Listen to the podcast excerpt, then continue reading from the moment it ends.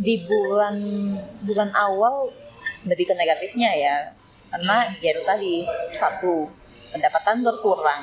Oh, bulan-bulan awal pas ada kebijakan ini ya, kebijakan work from home gitu ya. betul jadinya ya terpaksa lah. Barang-barang yang ada di wishlist kita itu eh ya udah jadi pajangan aja gitu loh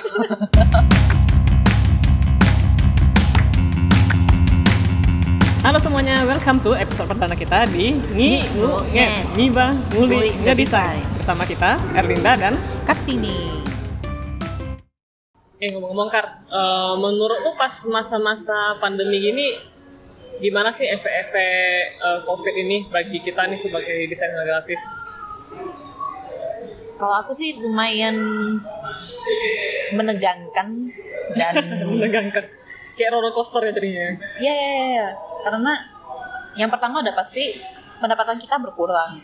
Ya nggak sih? Iya, iya betul banget. Ya meskipun bersyukur ya kita nggak di PHK alhamdulillah. Oh my god dan, thank god. dan masih ada rezeki sejauh ini.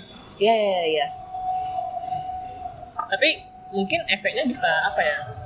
Bisa dua arah juga ya. Jadi kan ada yang positif tapi ada efek yang negatif juga untuk beberapa orang lah ya beberapa eh, graphic designer gitu Betul betul. Lama kan kita graphic designer kan ada yang in house ada yang agency lah ya yang Yes. punya gaji tetap terus kan ada yang beberapa teman-teman kita yang freelance Freelance. karena kan sebenarnya freelance kalau dulu ya sebelum PSBB ini kan juga eh, udah gini ya, udah ada diprediksi gitu kan. Karena kan ada beberapa klien tetap gitu. Suddenly ketika COVID banyak teman-temanku yang bilang wah ini ada klien yang mau hemat kos, mau hemat biaya.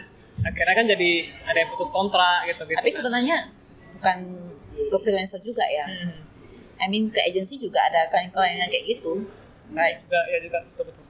Betul kan eh, kita berdua kan dari agency juga Ya, dan ya. punya klien-klien yang terpaksa harus putus kontrak. Oh ya, kalau teman-teman yang belum tahu eh, background aku sama Kartini, jadi kita berdua ini kerja di eh, desain agency, eh, desain agency tertentu ya nggak bisa kita sebutkan.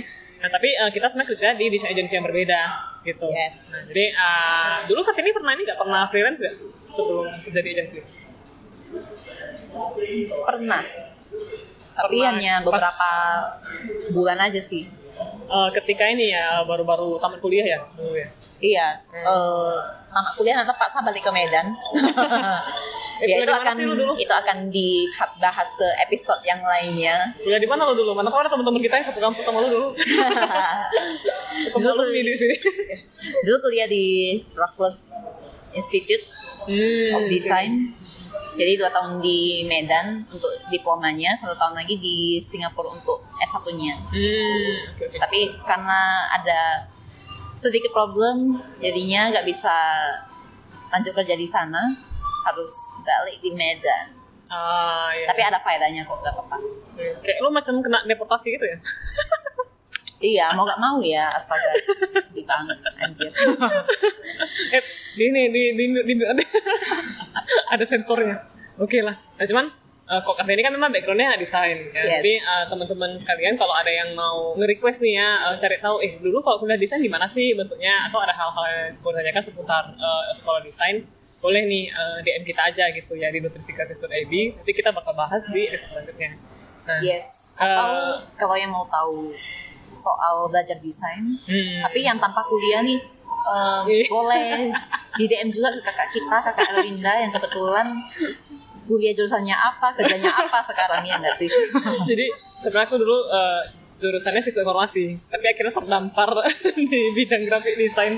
Tapi eh, kalau mungkin istilahnya apa ya graphic design eh, otodidak ya? Iya. Kan self taught graphic designer gitulah. Nah, ya lumayan asik juga sih walaupun harus berjuang extra mile ya dibandingkan yang udah ada background pendidikan gitu. Tapi ya ya so far so good lah karena banyak sudah banyak ini sih material-material pendukung untuk belajar juga sekarang ini kan.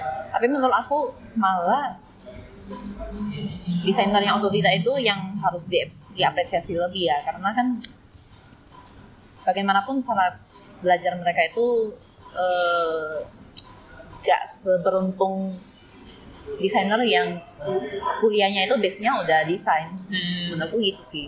Ya sih. Ya comes with inilah benefit sama kekurangannya masing-masing. Iya, iya. Kok jadi ngelantar ke sana? Iya, Oke, baik, topik. Nah, ngomong covid ini kalau menurut eh, dari lu lah sebenarnya kan eh, banyak kerasa efek negatif atau positifnya sih pas masa-masa covid ini untuk kerjaan lu?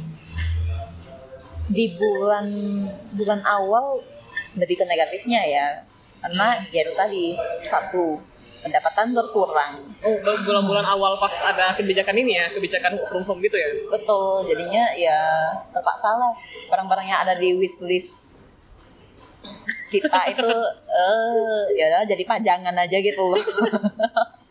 Mesti mesti ini dulu ya, menghemat gaji dulu tuh sementara. betul menghemat pengeluaran ya kan dan udah pasti gak bisa kayak biasanya gitu loh order makanan sesuka hati Hmm, iya. terus yang kedua itu pastinya harus beradaptasi dengan alur kerja yang baru Ya, kalau misalnya dulu kan pas masuk kantor masih ketemu sama teman-teman, Ya. briefingnya masih bisa langsung di kantor Ya. kan. Ini suddenly semuanya harus dari rumah dan Meeting online. Ah, meeting online, ya kan. Meeting Ya. sama klien juga online. iya betul Terus yang aku paling kerasa ini sih masalah koneksi.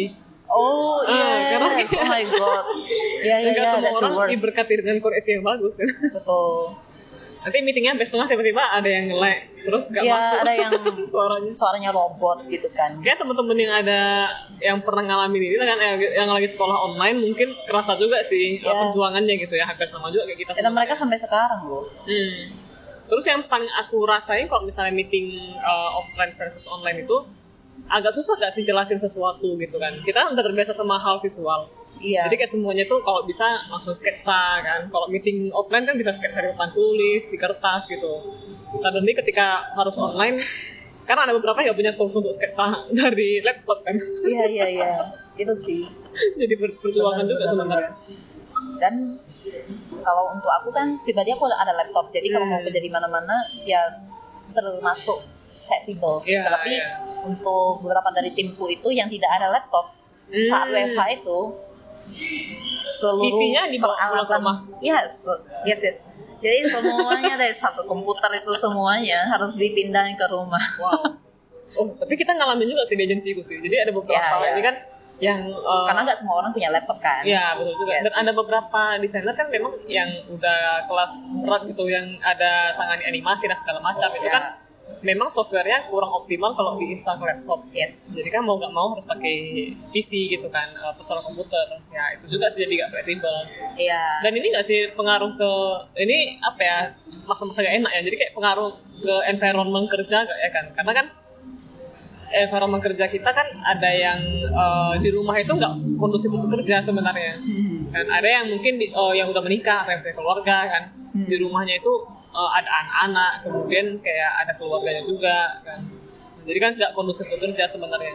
Kemudian kalau misalnya di rumah nggak bisa kerja, pas masa gini kan nggak bisa keluar juga. Ya, Nggak bisa betul sih. ngapain, nggak bisa kerja di luar juga kan. dan ada satu lagi kalau misalnya eh, normally kalau kita di kantor bareng-bareng itu kan semuanya bisa ini ya eh ngopi bareng Iya, support iya, iya, benar. masing-masing kalau misalnya ada masalah apa pun tapi kalau misalnya di WFH kan itu yang jadinya berkurang Iya, iya. itu kerasa banget loh. Kalau misalnya Yes. di kantor kan kayak teman-teman yang lain desainer yang lain lagi ngerjain project, kita kayak bisa ikut nimbrung gitu kan. Eh, ini pakai apa sih kerjanya, Iya. terusnya apa gitu. atau kita bisa share eh, latest issue gitu Nah, kan jadi kayak on the spot spontan gitu kan. Heeh. Ibaratnya ada lah interaksi manusia. Iya. Ini ketika WFH kayaknya udah jarang jumpa sama teman-teman. Terus kalau mau sharing juga, ini gimana sharingnya kan? Iya. Kalau misalnya meeting kan kita memang bahas hal yang perlu aja gitu. Jadi nggak terlalu banyak sharing lagi sebenarnya. Ya kan? Betul. Jadi eh, unsur temannya itu, Hmm. teman ceritanya itu jadinya Unsur Jauh lebih berkurang. Iya, iya. karena bahasanya kan semuanya ya udah cuma kerjaan doang. Iya, iya. Oke lah, kita udah bahas soal alur kerja, ya kan? terus perbedaan mekanisme kerja. Nah ini yang paling penting nih, Nah, dari segi pemasukan. Nah, itu gimana tuh kira-kira?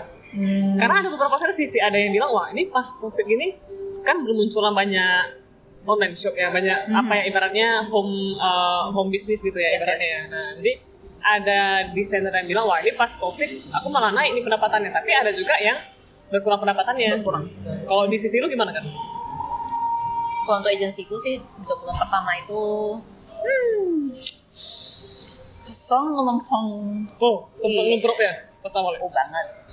But instead we create a CSR program. Jadi sebenarnya itu ajang untuk kita upgrade skill ini. kita juga Oh, sebenarnya. Ya upgrade skill mau dari desainernya, mau dari fotografernya. dan menguntungkan juga untuk si customer karena di saat-saat susah begini nggak mungkin dong eh, Eh boleh harus jelasin nggak? mengeluarkan eh, apa uang yang ekstra. ekstra banget kan Eh boleh jelasin nggak sedikit kayak CSR yang lu masuk tuh gimana sih kira-kira? nah jadi CSR kita itu ditujukan untuk UMKM dan lebih spesifiknya untuk yang F&B Ah, iya. iya. because it's easier to do ya kan jadi mereka cukup mengirim produk mereka ke studio kita habis itu kita foto habis itu kita tuangkan ke desain posternya Hmm, Begitu. oke, oke. Ibaratnya eh, bantu promosi ini lah ya UMKM gitu ya. iya saling mendukung UMKM Karena kalau misalnya di Medan kan memang mostly UMKM itu F&B, yes ya kan? Terus dampaknya ketika udah buat CSR itu gimana tuh? Dampak baik bagi eh, kalian sendiri sebagai agensi sama dari UMKM yang kalian bantu? yang pastinya kalau untuk UMKM itu kebanyakan uang kebanyakan sih semuanya merasa terbantu ya. Karena at least eh, mereka ada materi promosi yang presentable yang bisa attracting people untuk membeli produk mereka. Kalau di kitanya sih pastinya yaitu satu eh, kitanya jadi punya skill yang lebih Hmm. dalam nggak cuma desain doang tetapi dalam explore konsepnya juga Ah, iya. Bisa, bisa jadi ajang, ajang eksplorasi juga sebenarnya ini. ya betul dan juga ada kok eh, maksudnya mereka jadinya rekomend kita juga kan Hmm. untuk teman atau keluarga atau kolega Hmm. mereka itu sih. Yang awalnya malah apa namanya mau kasih sesuatu yang baik ya kan ibaratnya kayak kita mau buat sesuatu yang ya, charity lah ya sifatnya iya iya Nah, iya. malah akhirnya imbasnya ke kita sendiri ya kan? Ya kita jadi Kenaikan mendapat berkah yang nggak kita expect sama berkah sekali. yang terselubung Iya. itulah kata that's pepatah teman-teman. Di balik eh, di balik peye ada udang kan? Ada udang di balik peye pasti aku jadi makanan lagi ujung-ujungnya tapi itu itu apalah eh, sesuatu itu bisa contoh juga sih teman-teman sebenarnya ya. Kalau misalnya ada yang tertarik juga boleh sih buat program seperti itu Iya, iya, ya kan? jadi ya eh, sebelum kita dapat impact dari customer kita kita harus giving giving duluan kan. Kayak itu buku bukunya Gary V. Mhm. kan Jack Jack Jack and Hook. Jadi kita udah kasih kasih kasih kasih baru jualan. Nih Iya, iya. Betul. jadi kalau misalnya eh, kalau misalnya di tempatku kan karena kita banyak klien-klien yang udah skala company nasional ya udah brand nasional itu malah kebalik loh sis. Jadi di bulan-bulan pertama covid itu eh, pastinya PSBB gitu kan Yes. malah mereka belum ini belum banyak impact yang kerasa gitu. Kayak maksudnya kontrak masih berjalan seperti biasa gitu gitu kan. Nah eh, di dua bulan belakangan ini baru ada beberapa gejolak gitu. Jadi mulai ada beberapa klien yang eh, udah pertimbangkan ulang kontraknya atau ada yang udah putus kontrak juga. Cuman eh, itu kan brand nasional. Yes. baru ini shifting. Jadi ada beberapa tambahan lagi company yang lain yang memang eh, udah mulai aware gitu sama sosial media. Kan Sama sekarang branding. Ah, Ya, ya, ya. kalau dulu kan masih nggak terlalu peduli kan ala branding. Kayak online branding gitu yang penting jualannya masih off, secara offline masih bagus nah, jadi ini karena udah kerasa dampaknya baru pada berlomba-lomba nih kayaknya aku udah boleh pertimbangkan nih online brandingku gimana gitu Ya, karena sebenarnya new normal itu ajang untuk bangkit, iya iya right? Ya, ya. tapi kayak ibaratnya masa new normal ini sekaligus testing bagi bisnis model juga sebenarnya. Jadi kalau memang bisnis modelnya itu pak dari awalnya nggak bisa survive, ya kan. Ketika Ya. new normal ini jadi ajang testing lah. Ya, Kira-kira, ah kira-kira Berhasil model bisnismu ah, bisa survive apa enggak gitu. Kalau nggak bisa survive, dipercepat matinya. Iya, iya, iya. Nah, itu tadi untuk dua bulan pertama. Biasanya, wah gila sih, drop banget. Hmm. Tapi bersyukurnya kita bisa masih mendapatkan hmm, pundi-pundi harta untuk sesuap nasi. Masih aman lah ya, Nah, aman. jadi untuk sekarang-sekarang ini malah wow kita Banjiran. kebanjiran job bukan banjir ya udah banjir kena badai. Karena udah terlalu banyak. Ya, itu tadi aku setuju. teman-teman yang butuh job ya, job vacancy, udah boleh dikode-kode. dan saya aku setuju sama Erlinda tadi. Jadinya banyak orang yang lebih aware sama pentingnya blending Hmm. gitu sih. Tapi sebenarnya ya, kalau ini ini di luar desain lah ya. Aku cukup ini sih cukup nyaman sama situasi sekarang sih. Kayak orang kan, kan ke mana-mana pakai masker. Ya masker. jadi lebih menjaga kebersihan kalau makan itu nggak yang pakai tangan lagi kalau Hmm. yang nyuci tangan itu nggak pakai embun-embun es di gelas lagi ya nggak sih kan ibaratnya kan eh, di negara kita terutama ya eh, level sanitasi itu kan termasuk nggak gitu Ah, ya bagus ya Jadi berkat ya bukan saya bukan bukan masukku juga bilang covid ini bagus ya. Sebenarnya Ya. ini cukup eh, dilema juga bagi kita semua. Cuman ya salah satu efek positif yang kita bisa dapatkan itu orang-orang di sekitar kita lebih ini lebih aware sama masalah sanitasi, ya kan, kebersihan, kesehatan. Jadi lebih aware, lebih terbuka matanya gitu kan. Ya. Ya tetap kita eh, tetap kita ini juga eh, sambil berdoa juga untuk orang-orang yang saat ini masih berjuang untuk covid kayak dari tenaga kesehatan, tenaga medis ya. Yang mudah-mudahan tetap diberi kekuatan sama dukungan. yes respectnya tinggi untuk para frontliners Hmm. semoga diberkahi kesehatan yang berlimpah Ya. Dan Dan- kita juga inilah kalau misalnya memang teman-teman ada yang terpaksa harus keluar rumah untuk kerjaan atau apa juga tetap jaga kesehatan juga, tetap jaga kebersihan ya kan. dan pastinya harus mementingkan protokol kesehatan selalu ya, ya betul. Karena ya walaupun teman-teman mikir, oh aku kan masih masih muda ya kan, masih sehat gitu ya, masih eh, kebal gitu ya, masih ada ilmu ilmu apanya kebalnya gitu. Nah walaupun teman-teman resikonya rendah untuk tertular, tapi kan eh, kita bisa jadi pembawanya. Iya, carrier, carrier Nah, yang sama sekali nggak ada gejalanya, Ya. tapi beresiko untuk menularkan penyakit Orang ini lain. ke orang lain, apalagi kalau yang tinggal bareng orang tua ya. Ya, Itu kan resikonya tinggi banget. usia.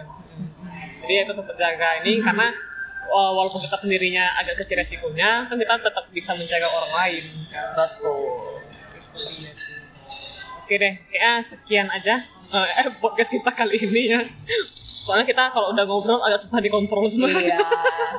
Oke teman-teman, jadi itu podcast uh, kali ini mengenai COVID dan dampaknya bagi uh, Desainer. dunia desain grafis Yes. ya. Sampai jumpa di podcast kita berikutnya. Bye.